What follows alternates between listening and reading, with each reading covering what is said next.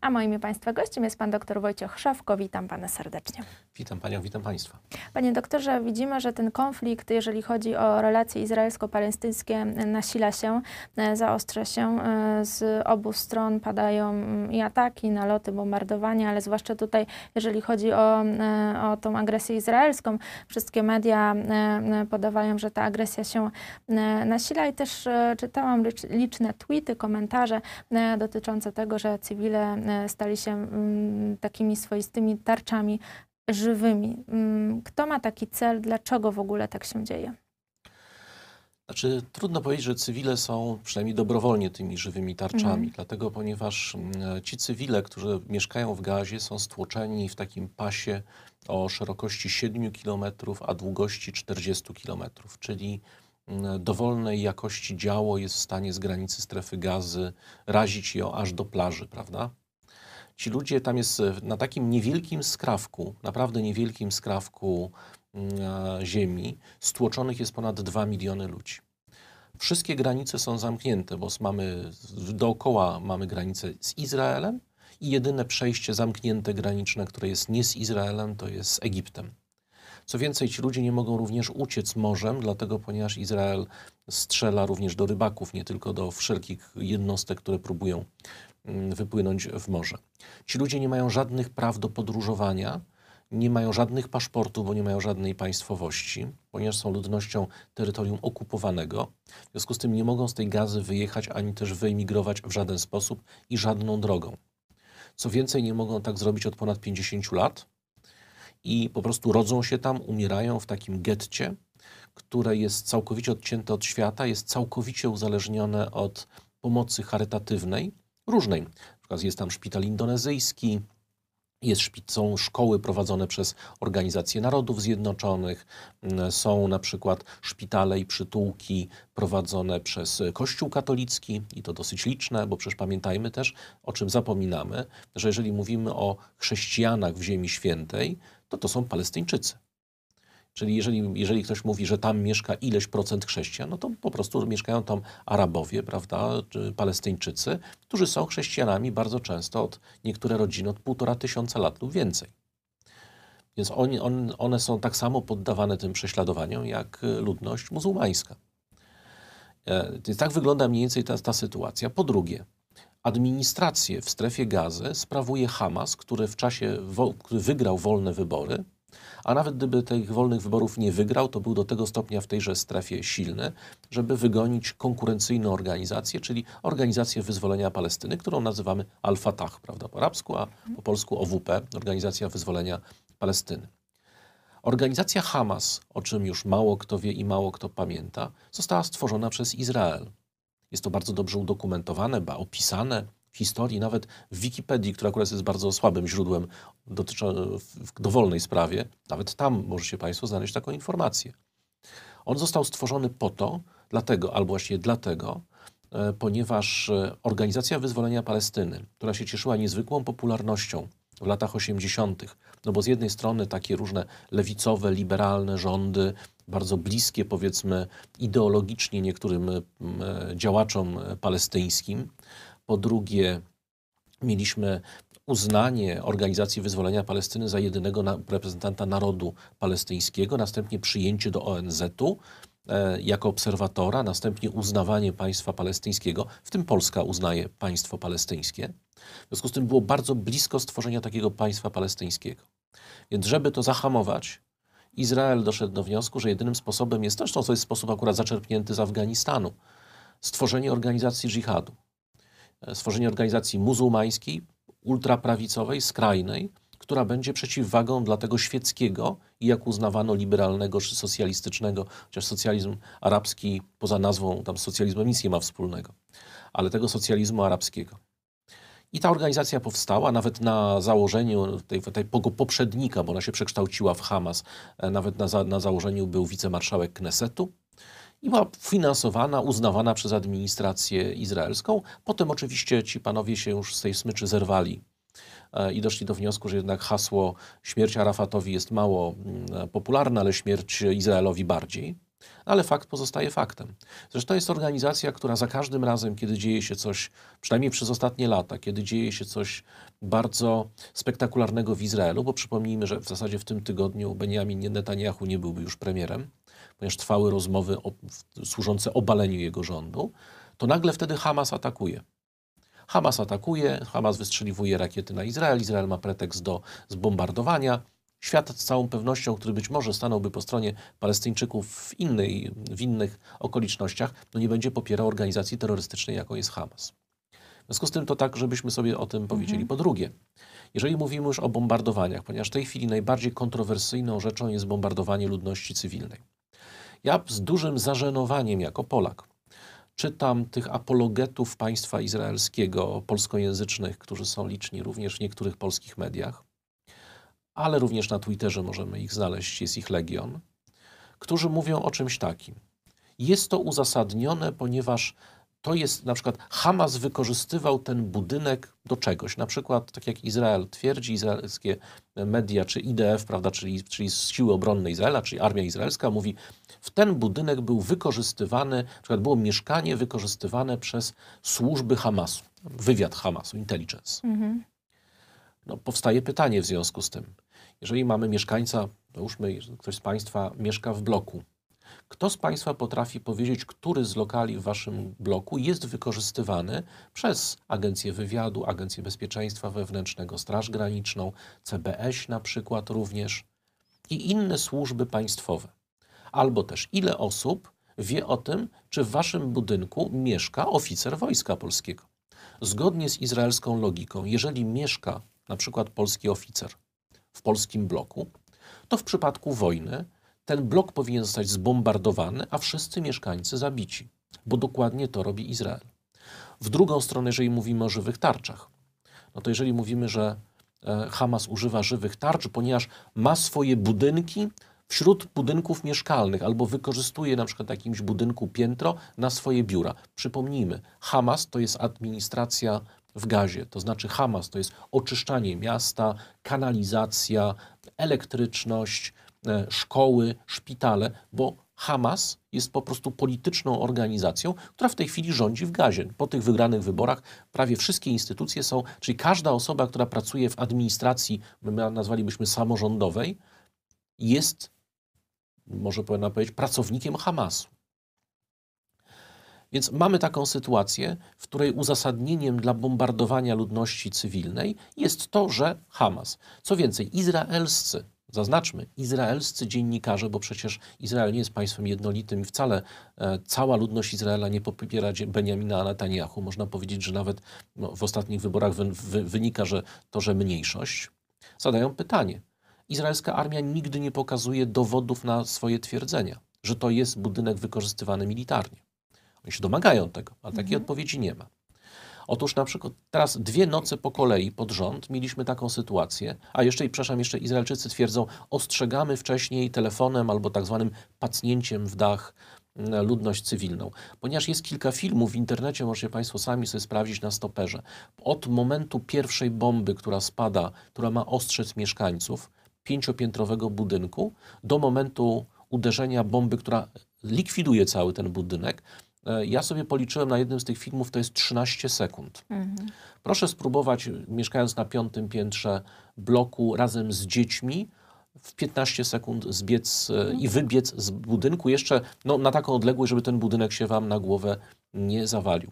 Ale doszło do już spektakularnych sytuacji, w których twierdząc, że ten budynek był wykorzystywany przez Hamas w nocy, to było dwie noce temu i ubiegła noc, E, zbombardowano budynki właśnie 6, no to 6-8-piętrowe, 12-piętrowe to już są wieżowce w Gazie. Gaza jest jednak bardzo małym miastem, gdzie do, do tej pory nie wiadomo ile osób zginęło, ale giną całe rodziny. Na przykład zginął w jednym bombardowaniu zginął najbardziej znany neurochirurg, chyba najważniejszy neurochirurg w całej Gazie oraz jego żona i piątka dzieci.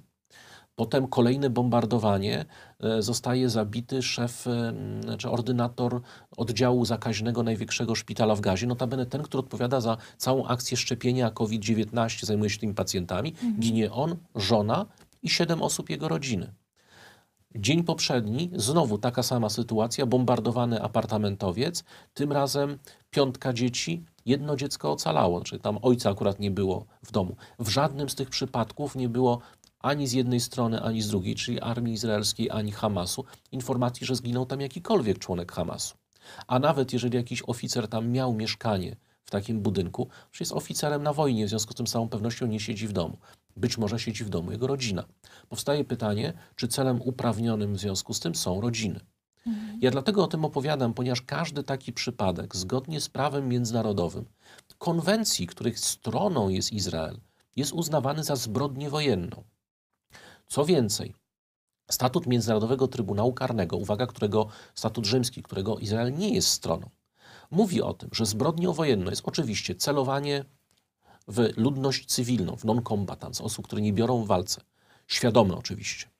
Po drugie, niszczenie mienia tych osób, e, niszczenia infrastruktury, takiej jak na przykład e, wodociągi, kanalizacja, elektrownie i tak o ile to coś nie jest bezpośrednio uzasadnione mm, tak, potrzebami wojny. No, czyli na przykład bombardujemy budynek cywilny, bo tam się okopało wojsko. Bombardujemy budynek cywilny, bo jest wykorzystywany jako wyrzutnia rakiet. To jest zupełnie inna sytuacja, które w tej chwili nie mają miejsca. Miały miejsce jeszcze wiele lat temu przy poprzednich konfliktach. Tak teraz nie jest.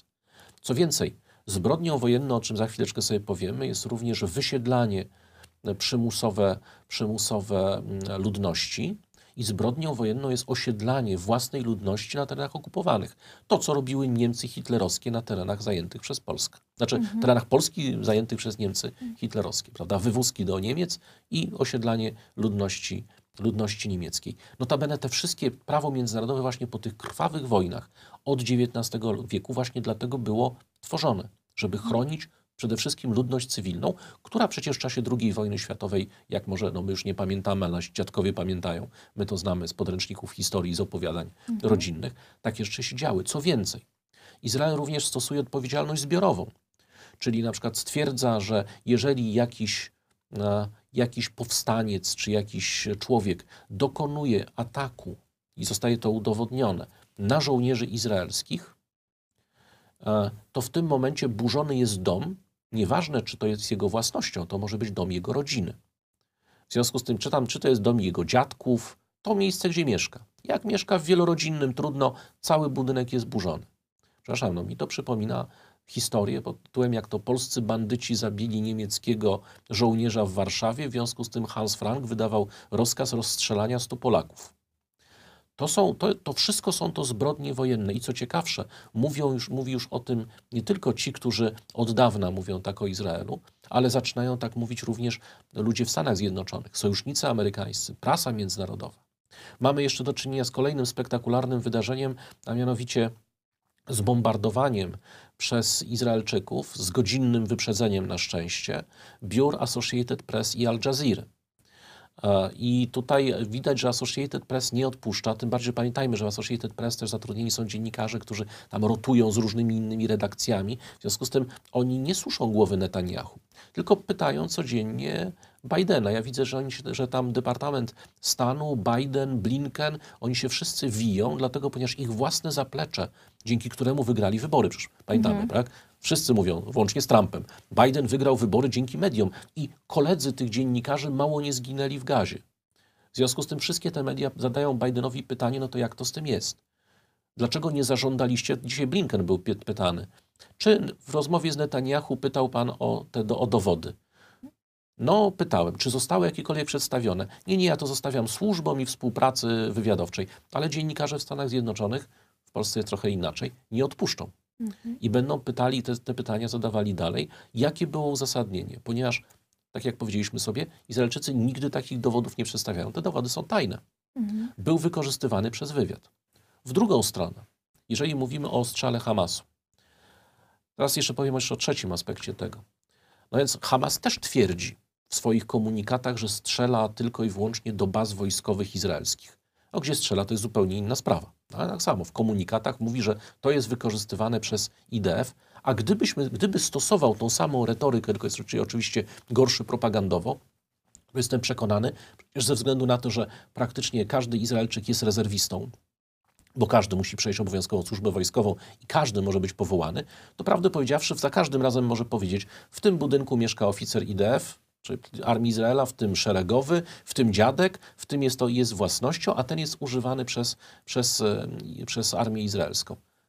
Bardzo ciekawe przykłady podają sami Izraelscy. Ja musiał zaznaczyć, na moim Twitterze, pomimo wszystko, możecie Państwo te wszystkie przykłady, one nie pochodzą z arabskich źródeł. To są źródła izraelskie.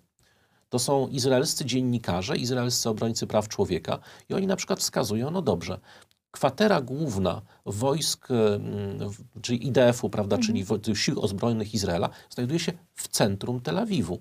Otoczona sklepami, domami mieszkalnymi, tam jest Muzeum Tel Awiwu i tak dalej. Czy to oznacza, że wszystkie te budynki dookoła są celem wojskowym?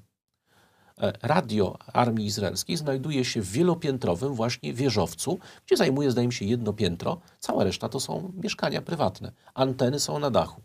Czy to oznacza, że inne państwo, a na przykład albo taki Hamas, ma prawo wysadzić w budynek w powietrze i zabić wszystkich tych mieszkańców? No prawdopodobnie odpowiedź jest nie, ale więc nie należy stosować podwójnych standardów. No i jeszcze niestety jeden bardzo istotny argument, którego się też ci apologeci, jak gdyby Izraela tutaj e, do niego się na pewno nie odnoszą i odniosą. A mianowicie Hamas jest organizacją terrorystyczną. Dlaczego jest organizacją terrorystyczną? Dlatego, ponieważ stosuje metody terrorystyczne. Tak?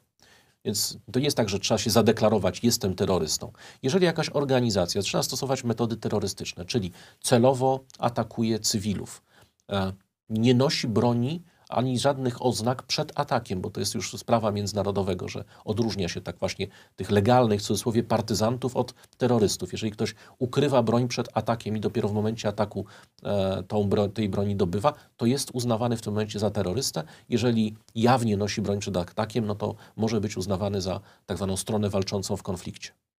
Związku z tym Hamas jest bez wątpienia organizacją terrorystyczną, jest organizacją dżihadu, głęboko osadzoną w strukturach Bractwa Muzułmańskiego, które jest uznawane przez, za organizację terrorystyczną, przykład w Egipcie, Arabii Saudyjskiej, Zjednoczonych Emiratach i tak.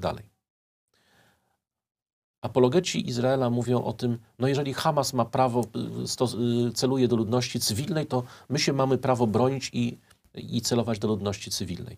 No tak, no ale jeżeli, jeżeli to oczywiście Izrael ma prawo również do bombardowania e, ludności cywilnej, ale wtedy nie ma prawa nazywać się państwem demokratycznym.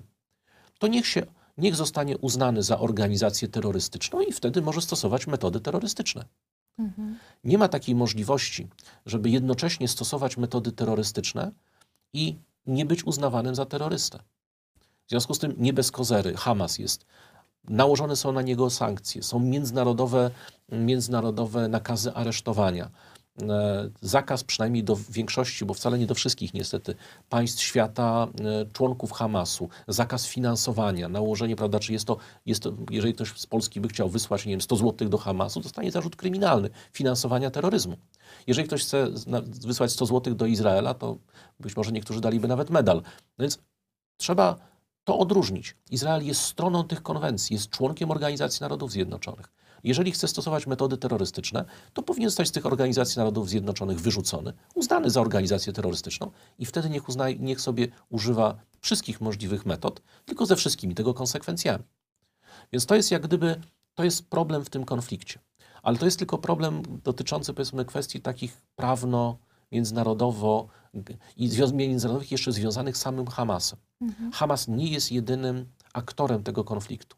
Tutaj, ponieważ jest to, są nie to jedyne media, gdzie można o czymś takim powiedzieć, chociażby ze względu na to, że mamy więcej czasu, to warto powiedzieć o tym, że Hamas rywalizuje, w tej chwili miały być przecież wybory, rywalizuje z bardziej ugodowym, świeckim i takim powiedzmy bardziej liberalno, właśnie to jest liberalno-narodowym, to, jest tak, to są tacy narodowcy z takimi różnymi od, odłamami, a to liberalnymi, a to socjalistycznymi, a to demokratycznymi, ale generalnie jest to na, narodowa partia, to jest Al-Fatah, prawda, czyli Organizacja Wyzwolenia Palestyny. Cel podstawowy jest to utworzenie państwa palestyńskiego, czyli narodowcy, krótko mówiąc, pełną gębą. Otóż owi właśnie narodowcy, czyli OWP, ze względu na to, że podpisali cały szereg porozumień i są jednak uznawani za reprezentanta narodu palestyńskiego, są dużo mniej chętni do właśnie różnego rodzaju akcji gwałtownych przeciwko Izraelowi. E, Oczywiście te akcje się zdarzają, ale bardzo, bardzo rzadko. Tutaj prym wiodą te organizacje dżihadu. W obecnej sytuacji, kiedy mamy codziennie zabijanie tych, e, tych, tej ludności cywilnej przez, przez Izrael, kiedy mamy praktycznie wojnę domową e, i e, mini powstania w miastach izraelskich, czy tych, które zostały okupowane od 1948 roku. Kiedy na zachodnim brzegu mamy już ponad 20 ofiar mm, e, i prawie 3000 rannych, ranionych notabene ostro amunicją, ponieważ policja izraelska, jak rozpędza swoich własnych demonstrantów, to używa mm, pałek i gazu łzawiącego, ale jeżeli Palestyńczyków, to po prostu strzela z ostrej amunicji, jak widać zresztą i mamy tego bardzo dobry dowód. Mm, W związku z tym w tej sytuacji Fatah, który nie reaguje, Fatah, który nie, nie staje na czele powstania, który nie, nie wzywa do tego powstania, on staje się po prostu mniej atrakcyjny. To trochę tak jak, przepraszam, bo to może daleko posunięta analogia, ale trochę tak jak z, powiedzmy, z uzyskiwaniem niepodległości przez Polskę. No, kto pamięta nazwiska tych, którzy mówili, że się trzeba z carem dogadać, czy w, w jakąś autonomię w ramach państwa austro-węgierskiego wywalczać. No oczywiście historycy tak, ale prawdę powiedziawszy, wszyscy pamiętają bohaterskiego tam, czy Dmowskiego, czy, czy, czy Hallera, czy Józefa Piłsudskiego, prawda, i długo, długo nic. Bo ci, prawda, nawoływali do, do walki zbrojnej, a tamci, no właśnie, byli jakimiś tam e, kolaborantami. Mniej więcej to samo w tej chwili się dzieje z Fatahem. Czyli krótko mówiąc, jeżeli teraz dojdzie do jakiegoś zawieszenia broni, to nie z Fatahem, tylko z Hamasem. Czyli Hamas przez tą walkę zbrojną, on się legitymizuje i wypiera z polityki palestyńskiej ugodowy, a w związku z tym niesprawny, a w związku z tym mniej popularny w obecnej sytuacji Al-Fatah. Co jest znakomite dla Izraela, no bo Izrael powie, no przepraszamy bardzo, ale no jeżeli reprezentantem Palestyńczyków jest terrorystyczna organizacja, no to no, nikt nie, nie może popierać przecież terrorystów, tak? I na tym skończy się sprawa palestyńska. Więc to, że Hamas, Hamas istnieje i Hamas ostrzeliwuje co jakiś czas Izrael, jest naprawdę znakomitą rzeczą dla właśnie tej skrajnej prawicy, która rządzi już ileś tam czasu, tak naprawdę w takim pożyczonym czasie. Przegrywa wybory, a rządzi. Przecież Netanyahu cała jego kampania wyborcza ostatnia była oparta na retoryce antyarabskiej, czyli jak opozycja zdobędzie władzę, to Arabowie nas zaleją, prawda? Wejdą do rządu, e, państwa arabskie nas zaatakują, Hamas nas ostrzela, no i proszę bardzo, powiedział i się stało w cudowny sposób. No więc oczywiście wszystkie ręce na pokład, nie wolno wtedy teraz żadnego ciosu w plecy, trzeba popierać rząd, no bo przecież mamy kryzys. I Chociaż- znowu Netanyahu nie trafi do więzienia, bo ma zarzuty korupcyjne, nie, nie straci władzy, bo ma, bo ma, bo ma, bo ma tak, taką, taką, taką, a nie inną sytuację, którą w dużej mierze sam sprowokował. I teraz jeszcze chciałem do tej ostatniej rzeczy, bo skąd się to wzięło? Też ludzie tego nie rozumieją, nie dostrzegają. Cały konflikt polega na, rozpoczął się od tego, że z dzielnicy Jerozolimy, wschodniej Jerozolimy, która jest terytorium okupowanym we wszystkich dokumentach Organizacji Narodów Zjednoczonych, gdzie zabronione jest, jest to właśnie uznawane za zbrodnię wojenną, osiedlanie własnej ludności i wysiedlanie ludności autochtonicznej, stwierdzono, sąd izraelski stwierdził, że należy wysiedlić najpierw sześć, no a później w konsekwencji ponad dwa tysiące rodzin, które mają po prostu zostać wyrzucone na bruk bez odszkodowania, bez możliwości jakich, do, dochodzenia jakichkolwiek roszczeń, ponieważ uznano, że jest to ziemia żydowska. Czyli tak naprawdę jest to masowe wysiedlenie. Co się z tymi ludźmi stanie? Trafią do obozów uchodźców. No więc każdy z Państwa, kto posiada mieszkanie na własność, niech sobie wyobrazi, że ma taką, taka sytuacja miejsce, gdzie zostajecie ze względu na to, że jesteście Polakami tylko i wyłącznie, a ktoś inny rości sobie pretensje do waszej ziemi, zostajecie z tego wyrzuceni bez środków do życia i trafiacie na bruk do obozu uchodźców i od tej pory żyjecie na garnuszku e, organizacji humanitarnych, a dorobek całego waszego życia albo pokoleń, które na to pracowały, no bo właśnie państwo apartheidu coś takiego zrobiło. To wywołało, zgadnijmy co, zamieszki w obronie tych rodzin.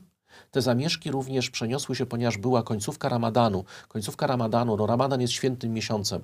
E, Dla porównania prawdopodobnie Wielkanoc byłoby chyba to najlepszym, coś pomiędzy właśnie Bożym Narodzeniem a Wielkanocą. Nie wiem, które, które, które bardziej.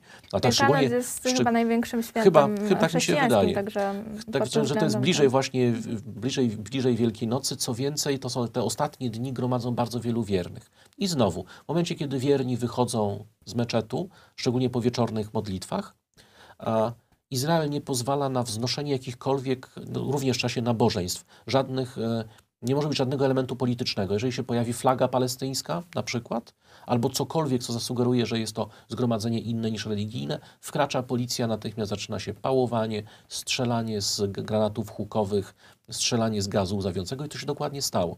No więc wyobraźmy sobie, że w czasie Wielkiej Nocy e, do sanktuarium jasnogórskiego wchodzi policja i zaczyna ludzi pałować. No, wyobrażamy sobie, jaki byłby tego, tego efekt. I dokładnie taki sam efekt e, się pojawił. I tak naprawdę przez te kilka dni mieliśmy na początku tego konfliktu, mieliśmy wielkie demonstracje palestyńskie, obejmujące już właśnie nie tylko samą zachodni brzeg i samą Jerozolimę, ale również rozlewające się na terytorium Izraela.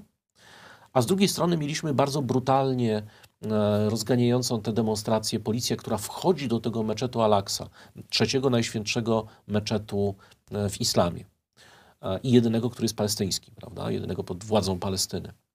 Teoretycznie przynajmniej. E, Wchodzi, zaczyna tam ludzi pałować, strzelać do nich z tych granatów hukowych, strzelać z, z gazu łzawiącego, tam jeszcze podpalają tam jeden z cyprysów, na przykład drzewo, na szczęście nie meczet, który się płonie, który, płonie, a z drugiej strony w tym samym czasie, ponieważ jest Dzień Jerozolimy, w związku z tym mamy demonstracje takich ultranacjonalistów żydowskich, nazwijmy ich umownie ekstremistami. Oni tam w Izraelu to nazywają, że to są La Familia, znaczy nawiązują do pseudokibiców, tak? bo to jest taki pseudokibice, taka rasistowska, e, pseudokibice z Jerozolimy właśnie to jest taka rasistowska grupa, którą nazywają właśnie La Familia. Mm, ale chodzi o tych ekstremistów, którzy jednocześnie właśnie śpiewają, kiedy tam płoną te, te drzewa, to oni śpiewają właśnie daj mi Panie siłę, żebym jednym ciosem wymazał z e, plemię palestyńskie, prawda, z, z, spod nieba, czyli to jest nawiązanie do Księgi Sędziów, prawda, kiedy Samson, dokładnie jego, prawda, ta modlitwa, bo to jest prawie jeden do jeden, trochę zmienione na potrzeby piosenki kiedy oni właśnie tańczą i śpiewają dokładnie tą piosenkę właśnie no ultra taką prawicową, ultra ekstremistyczną. Ataki potem i lincze na tych Palestyńczykach. I w tym momencie włącza się do tego konfliktu Hamas. Ponieważ jeszcze tydzień czy dwa tygodnie i prawdopodobnie e, Organizacja Wyzwolenia Palestyny, która bardzo zachowawczo się tutaj, tutaj jak gdyby e, mm, zachowywała, zachowawczo zachowała, źle brzmi, ale to jest rzeczywiście to, co oni robili, Mm, i zyskiwała rzeczywiście na popularności, ponieważ no, kraje arabskie również, ale również kraje europejskie zaczęły protestować w tej kwestii. E, I nagle oni zmienili po prostu szachownicy, nawet nie włączyli się do gry. Zaczęli ostrzeliwać Izrael. I teraz nawet kraje arabskie, które normalnie popierałyby sprawę palestyńską, nawet taka Arabia Saudyjska czy Zjednoczone Emiraty, które sobie właśnie zaczęły robić biznes z Izraelem, no nie mogą dopuścić, nie mogą powiedzieć, no dobrze i sobie biegajcie e, z tarczami i pałkami po meczecie Al-Aqsa, bo to by wtedy wy- wywołało rewolucję u nich samych. No ale w momencie, kiedy jest tam Hamas, który jest uznawany, który jest głównym wrogiem właśnie Saudyjczykom Zjednoczonych Emiratów Arabskich i innych krajów sunnickich, ponieważ jest to organizacja rewolucyjna, która chce obalenia władzy, szczególnie monarchów, no to, ale również w Egipcie, prawda, prezydenta. W związku z tym te kraje arabskie no, zachowują się tak, że ograniczają również swoje protest, protesty do tego, co się dzieje w Jerozolimie. Czyli protestują przeciwko tych wejściu do meczetu Al-Aqsa, protestują przeciwko, ale nie protestują przeciwko temu, co się dzieje w Gazie. Potem mamy jeszcze Bidena, który tutaj, e, prawdę powiedziawszy, strzelił sobie w kolano tym tekstem i moim zdaniem jego własne zaplecze polityczne nie wybaczy mu tego. Zresztą to widać po wypowiedziach już dzisiejszych, czyli wczorajszych, na przykład Sandersa, Mm, ale też właśnie tych dziennikarzy, którzy zaczynają, tych jego dziennikarzy, którzy zaczynają go atakować, bo on pierwszego dnia mówi, Izrael ma prawo się bronić. I Netanyahu tego samego dnia mówi, carte blanche. Natomiast to, co Izrael w tej chwili jeszcze robi w gazie, tak? więc tutaj mamy jak gdyby, jest, jest, widać, że jest to kilka aspektów. Zresztą bardzo istotnym aspektem tego, tego konfliktu, też pomijanym w komentarzach, jest, są te mini rewolucje w Izraelu. To są jednak Arabowie i Żydzi, którzy od bardzo dawna żyli we względnym spokoju, w dużej koegzystencji. To są ludzie, którzy mają obywatelstwo Izraela. I teraz ci obywatele Izraela, ci właśnie Arabowie oraz ta ekstrema, która sobie jeździ z miasta do miasta, skrzykuje się w mediach społecznościowych, bardzo często przy pomocy policji, która albo nie reagowała, albo wspomagała tym ekstremistom. Tam są żądania dymisji szefa policji, prawda, przez opozycję wynoszone i tak dalej. Ona zaczyna tych, z tymi Arabami po prostu tłuc się na ulicach. Strzel, obie strony używają broni palnej. E, Ofiary są po obu stronach. No, mieliśmy te lincze, prawda, przez tych izraelskich ekstremistów. Widzieliśmy wszyscy te filmiki, wideo, gdzie oni wyciągają ludzi, prawda, linczują na ulicach. Notabene, jak wiadomo, raz Izraelczyka, który, on zresztą jest z nim wywiad znakomity, gdzie, on, gdzie oni się pytają, czy jesteś Arabem, a on mówi do nich tak, tak, bo on myślał, że to są Arabowie w ogóle i on chciał, i, myślał, że, że się pytają go o pomoc, nawet nie bardzo wiedział o co chodzi. No to oni go wyciągają, prawda, to jest Żyd z z Izraela, który, który po prostu w ten sposób jemu się oberwało od tych ekstremistów. Więc coś takiego, ten, ta sytuacja chaosu będzie miała bardzo poważne konsekwencje, ponieważ Izrael, który był krajem względnie bezpiecznym, staje się już teraz krajem bardzo niebezpiecznym, krajem, w którym panuje chaos i anarchia, z którym władze nie chcą albo nie potrafią sobie poradzić. Policja jest całkowicie jak na razie bezradna. Nawet tam, gdzie wprowadzono stan wyjątkowy, wprowadzono wojsko codziennie. Ja zresztą to wrzucam na Twitterze na żywo, to głównie wieczorami, nocami się dzieje. Codziennie są zamieszki, z- również z udziałem, znaczy z użyciem broni palnej, broni ostrej. A w związku z tym tych, pęk, tych pęknięć już się prawdopodobnie nie da załatać. No i będzie miał Izrael kolejny problem. Czy w takim razie, tam pojawiają się takie propozycje, już nawet wpłynęły do Knesetu, żeby odbierać obywatelstwo tym Palestyńczykom. Znaczy nie powiedziane jest, że Palestyńczykom, tylko żeby w ogóle tym człon, tym, którzy biorą udział, e, udział e, w tych zamieszkach, e, odbierać obywatelstwo. No ale ja rozumiem, że chodzi przede wszystkim o Palestyńczyków. No i jak rozumiem, jeżeli się im odbierze obywatelstwo, to znowu muszą, zostaną zmuszeni do emigracji, do porzucenia mienia i tak dalej, żeby i, i, i w to miejsce pojawią się nam kolejni osadnicy, pewnie znowu sprowadzani z Rosji. Czyli taka sytuacja naprawdę jest wyjątkowo z jednej strony no, ciekawa, prawda? No, jest, to, jest to wielowątkowa, a z drugiej strony wyjątkowo trudna. Tym bardziej, że e, na koniec dnia i tak najbardziej cierpi na tym wszystkim ludność cywilna. A już szczególnie ludność palestyńska, również dlatego, ponieważ zgodnie z prawem izraelskim ta ludność jest traktowana jako obywatele drugiej kategorii to już jeżeli już nawet w Stanach Zjednoczonych, które jednak Stany Zjednoczone są bardzo proizraelskie od czasu tak naprawdę no, przez całą kadencję Trumpa, to w ogóle to było nie wiadomo, czy oni byli bardziej izraelscy od Izraela samego. Natomiast jeżeli w Stanach Zjednoczonych teraz jest taka akcja, gdzie kongresmeni piszą na Twitterze, tak jest taka akcja, e, państwo apartheidu nie jest państwem demokratycznym. I podają sobie dalej, to jest bardzo potężna akcja. Widzę, że kolejni politycy na świecie sobie podają tak, tego typu komunikat. Znaczy, że coś jednak, czyli Netanyahu przegrzał. Znaczy, to trochę tak jak y, mm, niektórzy satrapowie wschodni, którzy sobie tworzyli, tworzą sobie atmosferę konfliktu po to, żeby się utrzymać przy władzy. No, Łukaszenko na przykład, że Polska zaraz najedzie Białoruś albo Litwa, znamy z ostatnich, więc to było sprzedawane do, dla polityki wewnętrznej, ale on po prostu to prawdopodobnie przegrzał.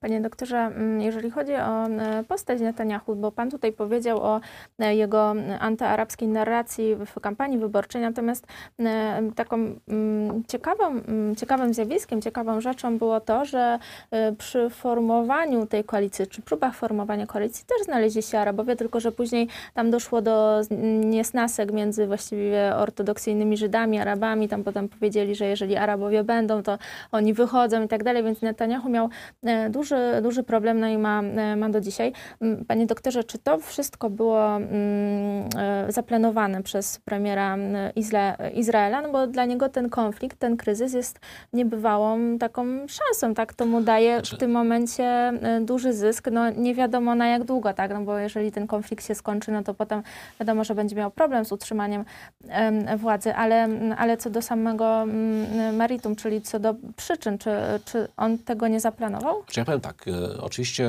mm, e, znowu zacytuję opozycyjnych dziennikarzy i publicystów izraelskich, którzy wręcz pisali o zamachu stanu przez, przez, przez wojnę, tak? Przez wywołanie wojny. Jest faktem, że, że przed samym, przed całym tym kryzysem bezpośrednio Jar Lapid, czyli lider opozycji, e, rozmawiał z takim panem, który się nazywa Naftali Bennett. To jest ta partia, to jest tak, że Likud przegrał wybory. Znaczy nie, nie wygrał tych wyborów, stracił ileś tam mandatów. W związku z tym nie, jest, nie był w stanie sformować rząd. I teraz tym języczkiem uwa- uwagi była właśnie taka partia osadników, gdzie szefem jej jest Naftali Bennett, który sam powiedział czas na zmianę przywództwa. I trwały rozmowy właśnie z Jarem Lapidem, żeby on się, pomimo tego, że on specjalnie politycznie nie pasuje do, do tej opozycji, ale że ta grupa jego wyjdzie, znaczy nie poprze rządu, tylko poprze rząd Jara Lapida, czyli krótko mówiąc Netanyahu zostałby odsunięty od władzy. I w tym tygodniu już, już Netanyahu nie byłby premierem. I te rozmowy były bardzo zaawansowane, jak przynajmniej pisze prasa izraelska. No, innych źródeł tutaj nie mamy. Następnie w momencie, kiedy rozpoczął się ten konflikt, i to był trzeci albo czwarty dzień po rozpoczęciu tego konfliktu, może piąty, już niestety tego nie pamiętam, ale można to pewnie prześledzić, e, kiedy dokładnie to powiedział. Naftali Bennett powiedział, że w tej sytuacji zagrożenia no nie może wbić tego noża w plecy, w związku z tym, w związku z tym e, poprze rząd, czyli poprze Netanyahu. I Netanyahu utrzyma się przy władzy. A jednocześnie pamiętajmy o zarzutach kryminalnych, które on ma, i to bardzo licznych, i tak naprawdę to, że jest premierem, ratuje go przed tym, że mhm. jeżeli któryś z tych, e, no, przed więzieniem, krótko mówiąc, nie wiadomo, czy którykolwiek z tych e, zarzutów się utrzyma, no ale jest ich dostatecznie dużo, żeby któryś być może go trafił. E, a poza tym nie jest powiedziane, że to są wszystkie, które do tej pory tylko sformułowano i gdzieś tam są, trafiają jako akty oskarżenia, więc z całą pewnością się po raz kolejny utrzymują władzy. No niestety przyczyną tego jest bardzo źle stworzony system mm, izraelski. To jest właśnie przykład podręcznikowy na to, w jaki sposób system parlamentarno-gabinetowy, ale bez progów wyborczych, jest w stanie e, prowadzić państwo do tak naprawdę stanu permanentnego kryzysu politycznego. Dlatego, ponieważ ze względu na to, że tego progu wyborczego nie ma, to nawet partie mikroskopijne mają szansę na wprowadzenie sobie jednego posła. A ponieważ tutaj ten rozkład sił lewica-prawica, tak to nazwijmy umownie, chociaż to jest bardzo, bardzo, bardzo płynne, bo mm, jednak prawicą czasami właśnie trudno powiedzieć, czy partie ultrareligijne, ale które są partiami z drugiej strony pokojowo nastawionymi i w ogóle uznającymi, że nie należy zabijać, nie należy walczyć i w ogóle zlikwidować armię, to to jest partia prawicowa, czy lewicowa, czy jaka. Tak? To, to, tak na, to są te, te, te umownie kiedyś stworzone granice pomiędzy lewicą i prawicą, bardzo często nie przystają do opisywanej rzeczywistości. No ale e, jest tak, że ten podział jest taki, że prawie jest porówno, prawie we wszystkich wyborach. I jeden, dwa głosy, czy jeden lub dwóch posłów decyduje, czy w ogóle rząd będzie, czy też nie. A w związku z tym koalicje są składane z najbardziej możliwych egzotycznych partii. Gdyby tam jeszcze był, była ta partia, nie wiem, u nas była jakiegoś tam potwora spaghetti czy coś takiego, to, to też mogłaby dostać jakąś ważną tekę typu ministra obrony albo ministra gospodarki. Więc to jest taka sytuacja. Tam wystarczy, że więc jest to bardzo trudne, trudne w ogóle w tej chwili przynajmniej, trudne państwo do rządzenia. Wystarczy, że się taki jeden obrazi, nie jedna partia. Ta partia ma jednego człowieka, dwóch ludzi, tylko ten jeden poseł wyjdzie i rząd pada. To nie jest tak jak jednak w tych bardziej zaawansowanych demokracjach, gdzie no jednak to musi być kilkunastoosobowa przynajmniej grupa, żeby doszło do wotum nieufności. No tutaj mamy już któryś raz z kolei brak przeważenia na którąkolwiek ze stron.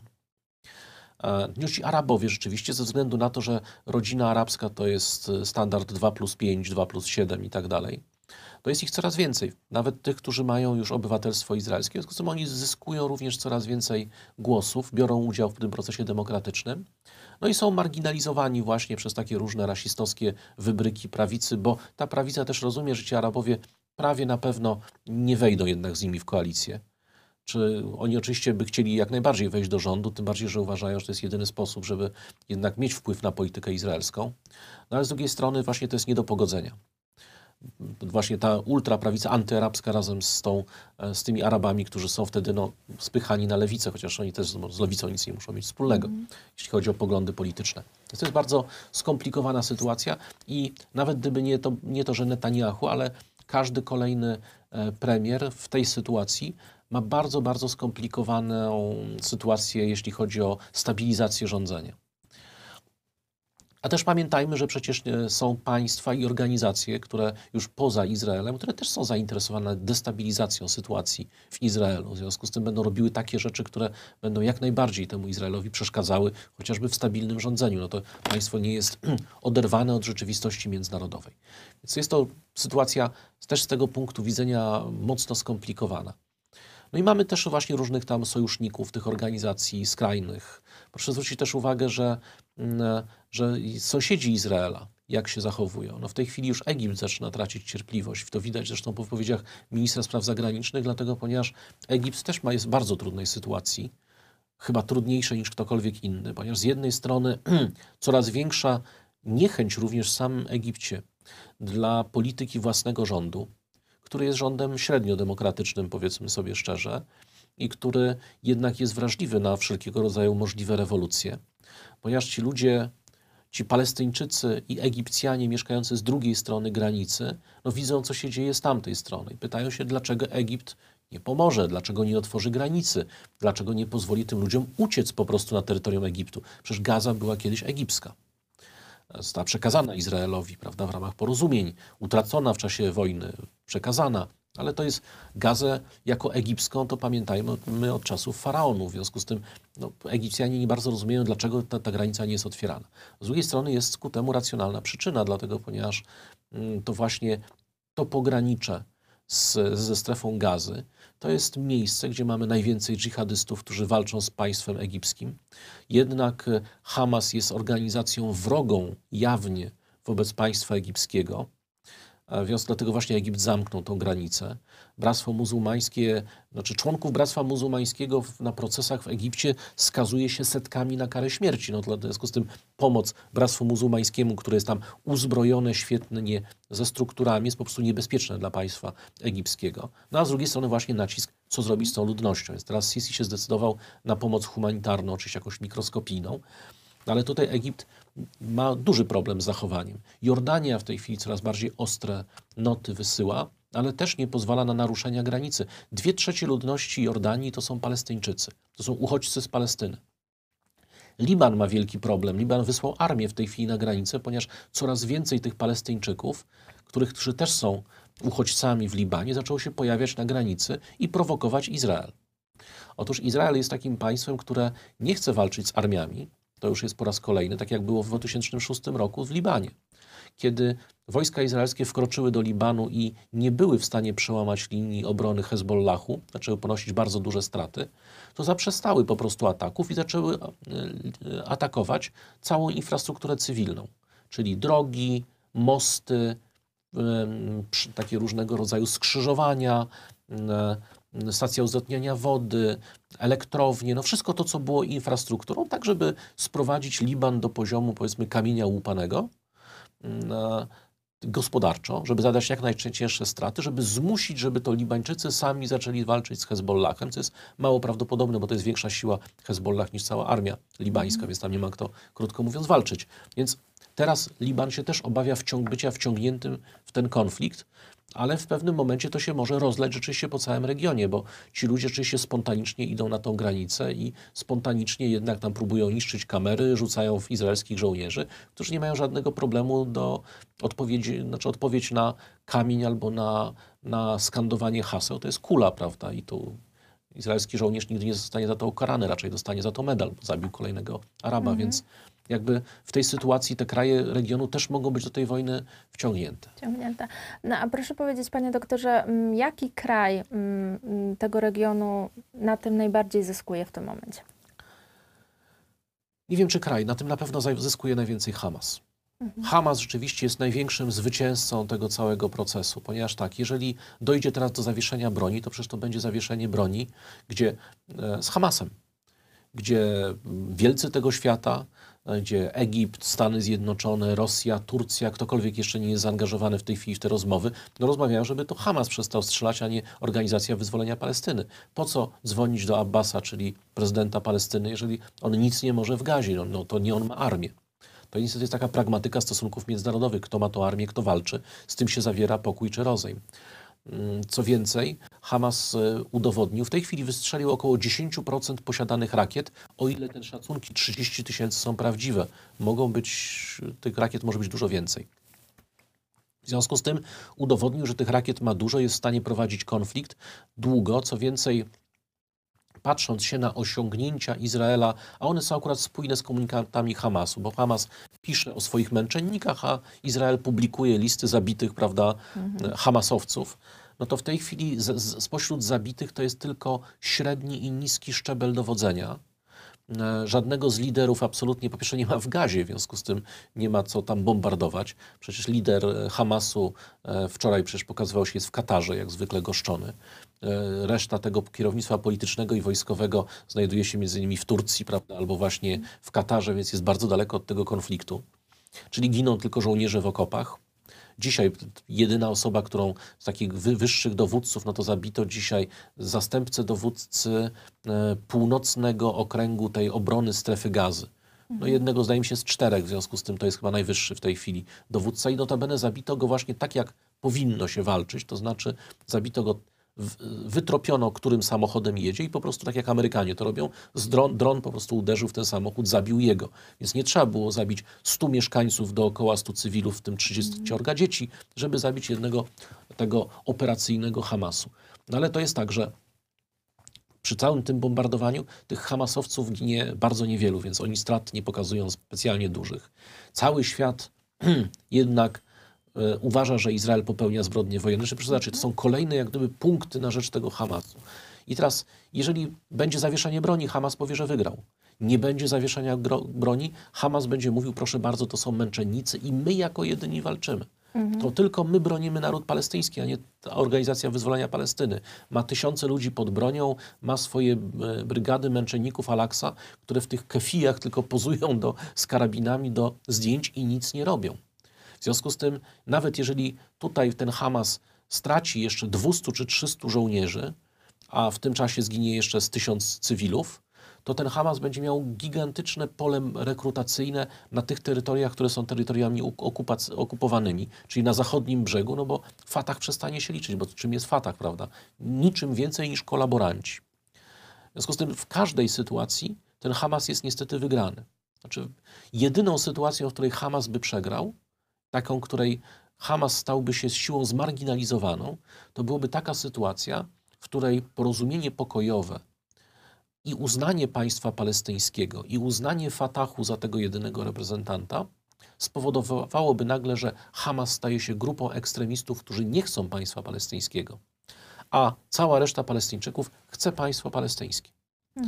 Czyli krótko mówiąc, gdyby zakończyła się ta wojna, Hamas zostaje sprowadzony do niewielkiej grupy dżihadystów, które tam występują we w każdym państwie regionu, jak prawda wiemy z, licznych zresztą spotkań również ze mną, ale jest to jednak margines, który jest zwalczany przez samych Palestyńczyków. Natomiast w obecnej sytuacji Hamas wyrasta jako podstawowa siła polityczno-wojskowa, się wojskowo-polityczna w kontekście palestyńskim. Czyli to jest sposób na zmarginalizowanie. Tyle tylko, że gdyby doszło do pokoju, to również Netanyahu byłby bezrobotny. Dlatego, ponieważ wtedy musiałby odpowiedzieć pytania o drożyznę, inflację, płace, wydatki socjalne, bezrobocie, problemy społeczne związane z asymilacją bądź dyskryminacją Żydów, którzy pochodzą na przykład z Etiopii i z innych krajów afrykańskich, którzy tam są traktowani chyba podobnie jak, jak, jak murzyni w RPA w pewnym okresie funkcjonowania RPA i tak dalej. W związku z tym on nie ma na to odpowiedzi. Odpowiedzią większości elit politycznych izraelskich, tych, które w tej chwili rządzą, jest no musimy, bo konflikt. Zaciskajmy pasa, bo konflikt. Nie pytajmy o wydatki na obronę, no bo przecież korupcja, no jaka korupcja? Kupiliśmy, no może dzięki łapówkom, świetne łod- łodzie podwodne, no ale to chodzi o obronę Izraela, prawda? Więc jaka korupcja? Więc wszystko się da uzasadnić tym konfliktem. I tym organizacjom skrajnym, w momencie, kiedy tego konf- konfliktu nie ma, to one tracą grunt pod nogami. Proszę zobaczyć, co się stało w Irlandii Północnej. Irlandzka Armia Republikańska przestała być organizacją terrorystyczną, stała się organizacją, stała się państwem irlandzkim, prawda, wtedy, kiedy uzyskiwali niepodległość. I są cały czas grupy ekstremistów, ale są to ekstremiści, którzy są zwalczani i ścigani przez samo państwo irlandzkie. Zresztą, żeby daleko nie szukać, w Polsce też, no Polska przed uzyskaniem niepodległości miała swoje grupy terrorystyczne, żeby daleko nie szukać. Józef Piłsudski, prawda, Walery Sławek, znani terroryści, którzy napadali na pociągi, podkładali bombę, byli wyrzucani z PPS-u nawet przecież, przecież za, za terroryzm, czy nadmierny terroryzm, a potem no, sk- skończyło się to jak gdyby w momencie uzyskania niepodległości.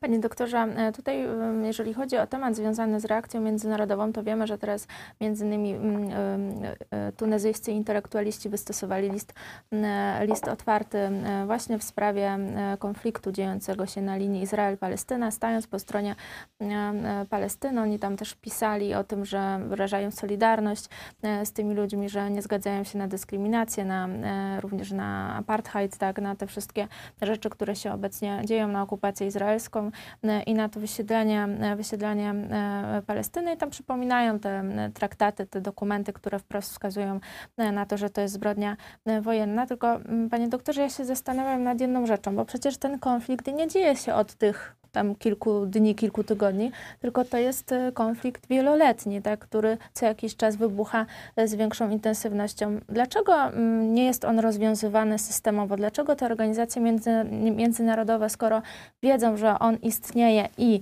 można się spodziewać, że co jakiś czas będzie wybuchał y, właśnie z tą większą intensywnością. Czemu to nie jest rozwiązywane systemowo, tylko tak doraźnie, tak, że są teraz są posiedzenia nadzwyczajne, teraz są jakieś apele wystosowywane, natomiast no, w takiej codzienności, mm, można powiedzieć, bardziej zwykłej, nikt nic z tym nie robi. Czy tak, planów pokojowych było kilka.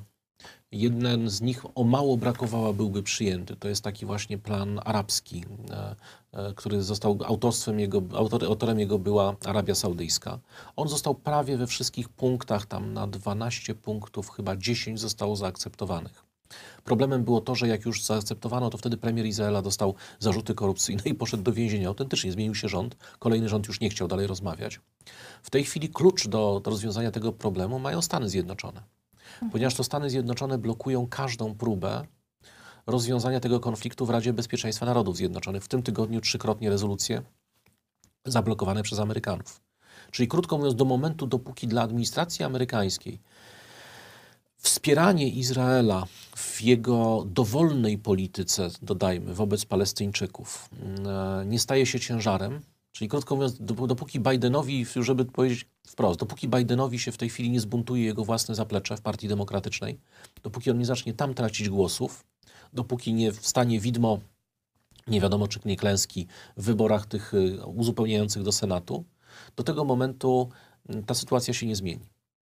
Przecież bardzo ważna dyrektywa, która została przyjęta, dotycząca właśnie, która między innymi wzywa Izrael, czy uznaje nielegalność mm, okup, okupacji, okupacyjnego tego zasiedlania, czyli, czyli nie, nielegalnego osadnictwa na terenie wschodniej Jerozolimy, została przyjęta za czasów Obamy. Stany nie zagłosowały za, ale nie wzięły, znaczy wstrzymały się od głosu, tak można powiedzieć. Czyli nie zablokowały tej rezolucji. I to jest tak naprawdę klucz tego wszystkiego. Czy ten kluczyk mają Stany Zjednoczone? W tej chwili te głosowania w Radzie Bezpieczeństwa podobno, to jeszcze są niejawne, no ale ci dyplomaci oczywiście wynoszą te informacje, to jest 15 do 1. Czyli 15 krajów za, włącznie z takimi państwami jak Wielka Brytania czy Francja, czyli sojusznicy w NATO posiadający broń nuklearną. No to są jedne z najważniejszych państw świata z punktu widzenia bezpieczeństwa świata. Oni głosują za tymi dyrektywami, Stany Zjednoczone je blokują dając tak naprawdę każdy taki sygnał, mówi takiemu Netanyahu, no rób co chcesz. Będziemy zawsze cię bronić bez względu na to, jaką zbrodnię popełnisz. Proszę zobaczyć, jaki to jest sygnał dla jakiegoś państwa. W tej chwili mieliśmy w czasach Trumpa rozpoczęte, rozpoczęty proces śledztwa przez Międzynarodowy Trybunał Karny, który bada kwestie zbrodni wojennych przeciw Izraela, prawda, na terytoriach okupowanych. Co robi w tym momencie akurat wtedy administracja Trumpa? Nakłada sankcje indywidualne na prokuratorów tego, tego trybunału, zakazuje im wjazdu do Stanów Zjednoczonych, notabene do siedziby, znaczy do jednej z siedzib tak naprawdę. Zabrania im przyjeżdżania do ONZ-u.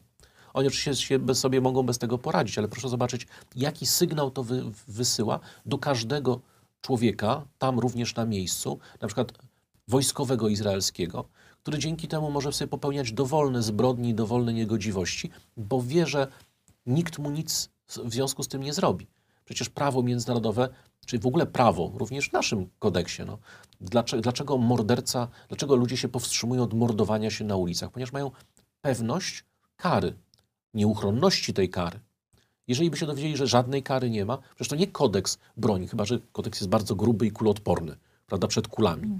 Tylko to, że taki człowiek, który mógłby zabić, obawia się jednak kar. Oczywiście są tacy, którzy zabijają, tak czy inaczej, ale są karani. Jeżeli się dowiaduje, że cokolwiek nie zrobisz, nie zostaniesz ukarany, no to wtedy sygnał jest wysłany wyraźny. To znaczy, że możesz robić cokolwiek. Oczywiście są tacy ludzie, którzy no, nie znają prawa międzynarodowego ani historii, którzy mówią, no ale stroną tego traktatu rzymskiego nie jest Izrael. No to przypomnijmy, Jugosławia też nie była i Serbowie i byli sądzeni jako zbrodniarze wojenni. Ha, co więcej, ja nie przypominam sobie, żeby, żeby Rzesza Niemiecka była członkiem Narodów Zjednoczonych, jak był proces w Norymberdze, a pomimo tego liderów Rzeszy Niemieckiej, również za zbrodnie przeciwko ludzkości, sądzon, sąd, sąd, sądził Trybunał, no, powoływany już przez Narody Zjednoczone, prawda, które wtedy właśnie się formowały. W związku z tym to nie jest tak, że strona traktatu musi przestrzegać bezwzględnych norm prawa międzynarodowego, tylko można również sądzić zbrodniarzy, nawet jeżeli nie są stroną, no bo trudno, żeby sami ch- chcieli się być sądzeni, więc tak to mniej więcej wygląda. I ta sytuacja jest trudna, natomiast to, co martwi, czy może martwić, no to bo to nie jest pierwszy raz, że, coś takiego się dzieje. Ale obserwując dyskusje w różnych krajach, ja zastanawiam się, czy tutaj w Europie Wschodniej, szczególnie w Polsce, nie ma chyba, jest chyba najwięcej apologetów działań Netanyahu. To jest coś, co jest, e, chciałbym powiedzieć, że przykre, tym bardziej z polskimi doświadczeniami. E, Znaczy z doświadczeniami wojennymi II wojny światowej chociażby. Bo jeżeli zacznie, gdybyśmy zaczęli sobie tłumaczyć polską historię retoryką obecną władz izraelskich, no to jak byśmy nazywali powstańców warszawskich?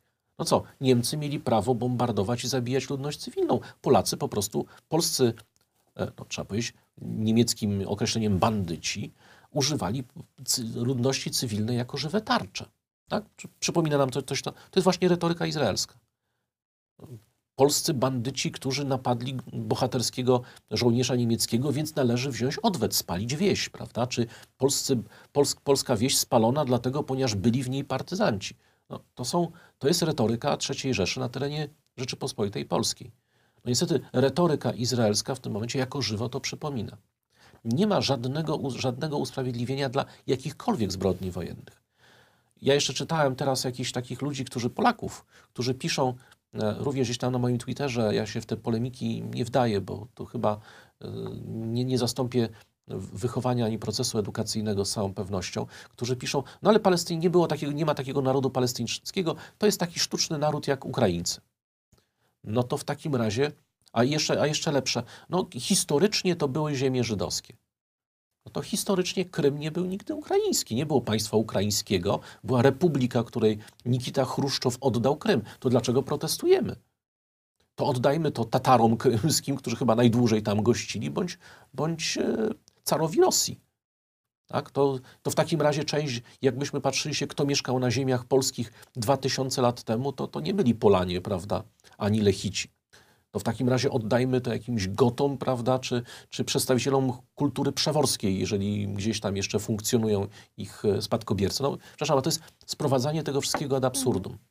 Można oczywiście znaleźć dowolny argument, ale dlatego ja bardzo często mówię o prawie międzynarodowym, ponieważ prawo międzynarodowe to jest coś, co gwarantuje również na przykład istnienie państwa polskiego.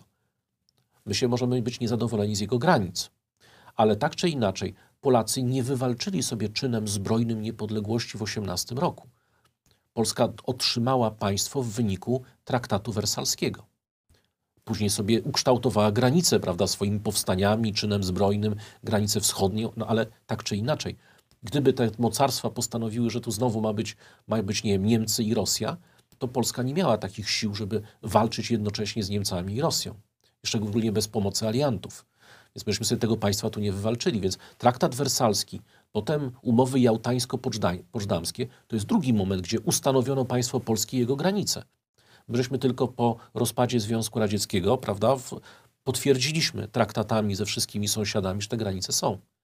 Ale to nie było tak, że polska armia zdobyła, e, obroniła się przed agresorami, czyli przed NRD, Czechosłowacją i ZSRR, tylko otrzymaliśmy po prostu takie, a inne państwo.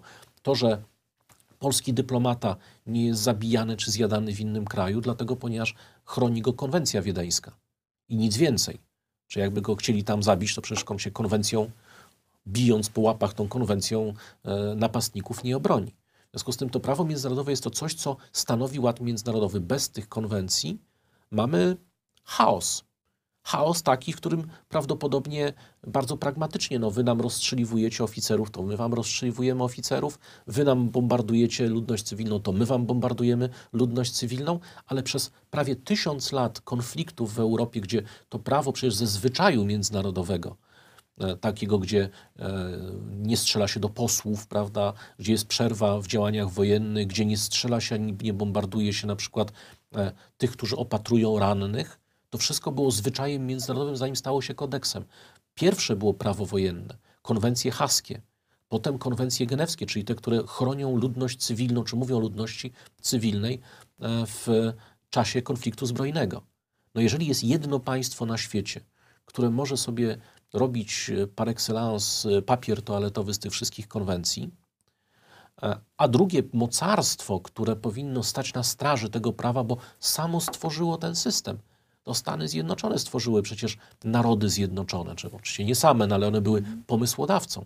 To nie można teraz tego systemu wyrzucić do kosza, albo używać go wtedy, kiedy takiego take, take awaya, prawda, że jak mam ochotę, prawda, na hot doga z ketchupem, to sobie wezmę, jak nie, to nie.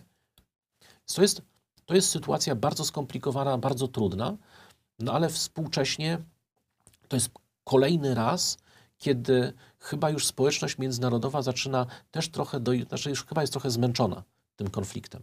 A ten konflikt jest bardzo prosty do, do rozwiązania. Wystarczy zgodnie z tymi planami, które już były wielokrotnie wypracowane, wielokrotnie, wielokrotnie wydyskutowane, po prostu je wdrożyć.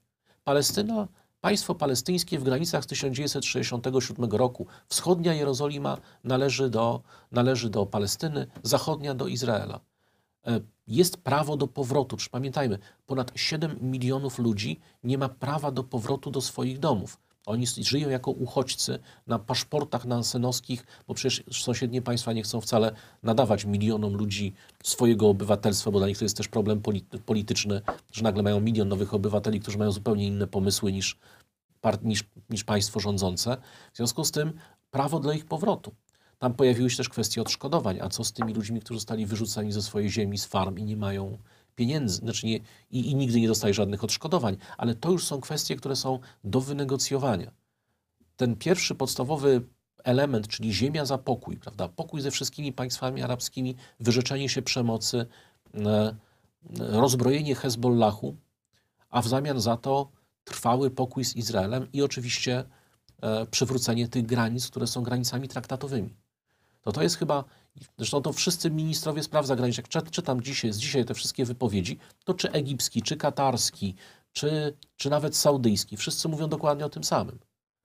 Granice 67 roku, niepodległe państwo palestyńskie, uznanie dla tego państwa, zaprzestanie osadnictwa nielegalnego, e, również respektowanie traktatów w sprawie meczetu Al-Aqsa, który znajduje się formalnie pod opieką państwa jordańskiego to jakim prawem wchodzi tam policja izraelska, prawda, i strzela do ludzi w tym meczecie? No, panie doktorze, to jest, mm, wydawałoby się proste rozwiązanie, natomiast e, póki co nikt z niego nie, nie korzysta. Natomiast ja mam do Pana jeszcze takie pytanie na zakończenie naszej rozmowy już. E, czy przez pryzmat, z perspektywy tego, co dzieje się obecnie e, tam, jeżeli chodzi o te no, bardzo niełatwe stosunki izraelsko-palestyńskie, czy można przewidzieć, spodziewać się, co nastąpi mm, w niedługim czasie? Jest wysoce prawdopodobne, że rosnąca presja z jednej strony, ta, której nie pokazuje się przed, w, te, w mediach, czyli rosnąca presja ze strony głównie Stanów Zjednoczonych, no bo dla władz amerykańskich popieranie Izraela w tej sytuacji staje się coraz trudniejsze z mhm. każdym dniem, w związku z tym z każdym dniem ta presja będzie większa. A z drugiej strony też ogromna presja która będzie, jest wywierana przez właśnie Egipt, ale również Katar czy Turcję. Głównie egipsko-katarskie tutaj rozmowy mają znaczenie, dlatego ponieważ dla Egiptu coraz jest to coraz trudniejsza sytuacja politycznie i Egipt jest, jest żywotnie zainteresowany, żeby ta wojna się zakończyła. W związku z tym są to, Egipt rozmawia z Katarem, Katar, jest, Katar finansuje Hamas. To, to, naprawdę wygląda w ten sposób, że ze względu na to, że Izraelczycy zablokowali możliwość przelewów w większości przypadków do gazy, to e, był taki moment, gdzie po prostu dyplomata katarski z walizką dolarów przyjeżdżał i to były pieniądze na płace dla całej administracji. Czyli krótko mówiąc, Katar jako główny sponsor Turcja jako główny podżegacz Hamasu, tam Turcy, to jeszcze tak na marginesie, gdybyśmy poczytali, przeczytali sobie z jednego dnia tylko wypowiedzi wszystkich najważniejszych polityków tureckich, to człowiek odniesie wrażenie, że oni tam już na koń wsiadają i za dwa dni będą te konie w Jordanie poić, e, po tym jak przejadą jak Saladyn, prawda, przez całą Ziemię Świętą. Oczywiście nic nie robią, no ale retoryka jest bardzo taka bojowa, buńczuczna. Ona dziś, oni dzisiaj zaczęli mówić, że i to jest bardzo groźna rzecz. To może rzeczywiście spowodować duży konflikt. Dlatego, ponieważ Turcy powiedzieli, że oni, znaczy dzisiaj gazeta Jeni Szafak czyli taka rządowa gazeta, to tak trochę jak Gazeta Polska, tak? Nie, niby nie rządowa, a rządowa, prawda? W związku z tym to, to Jeni Szafak to jest taka Gazeta Polska ich i to jest, i to Jeni Szafak pisze, że e, tu, władze tureckie rozważają tak zwany wariant libijski. A o co chodzi? Że Turcja chce podpisać z władzami Gazy, czyli z Hamasem, umowę na eksploatację przez Turcję e, gazu, który znajduje się u wybrzeży strefy gazy. Tam są wielkie złoża gazowe, co oznacza, że Turcja wysyła tam swoje okręty wojenne. No i ten słynny statek niby hydrologiczny, który tam co chwilę robi odwierty. Dokładnie to samo, co ćwiczyli Grecji, bo im powiedzieli, że wariant libijski, czyli krótko mówiąc, e, tak jak się z Libią dogadali, prawda, że, ma, że wyznaczamy sobie granice, nie uwzględniając, że tam jakaś Kreta i Cypr jest po drodze, bo to, to jest właśnie w granicach naszych wszystko i będziemy eksploatować e, to, co jest na dnie oceanu, czyli do gazy trafią pieniądze, pomoc i tak dalej, a Turcy w ten sposób złamią blokadę e, izraelską. No ale to może oznaczać otwarty konflikt zbrojny pomiędzy drugą armią NATO, no i ulubieńcem armii NATO, czyli Izraelem. Ale ta retoryka się pojawiła dzisiaj. Zobaczymy, czy Turcy coś z tym dalej zrobią. O tyle to jest ciekawe, że do tej pory Erdogan za każdym razem, jeżeli groził, że coś zrobi takiego, to robił. Powiedział, że wejdzie do Libii, wszedł do Libii. Do Iraku, wszedł do Iraku. Do północnej Syrii, wszedł do północnej Syrii. W Armenii i Azerbejdżanie zaangażował się, zaangażował, Azerbejdżan wygrał wojnę. No powstaje pytanie, czy Erdogan nie wymyślił sobie, że jak ukoronowanie kariery, prawda, to jest konflikt z Izraelem. No zobaczymy, jakie będą jego e, ruchy w najbliższych e, dniach, tygodniach. Bardzo Panu dziękuję za ten dzisiejszy komentarz, rozmowę. Oczywiście zapraszam na kolejne. Mm, No, będzie o czym mówić. Mam nadzieję, że w nieco bardziej optymistycznych e, tonach, chociaż tu jeżeli chodzi o ten konflikt, no to, to na razie nie wygląda to zbyt, zbyt dobrze. Panie doktorze, doktorze, jeszcze raz bardzo Panu dziękuję. No i Dziękuję Jeszcze za uwagę i za zapraszam. zaproszenie. Dziękuję e, Państwu za uwagę i przypominam na koniec o możliwości wsparcia mediów narodowych oraz wsparcia tak zwanego zasięgowego, czyli taka prośba do Państwa, żeby pozostawić komentarz pod tym materiałem, żeby ten materiał polubić i udostępnić dalej, tak żebyśmy wspólnie docierali do grona nowych widzów. Już niedługo kolejny program, także bądźcie Państwo z nami. Do zobaczenia.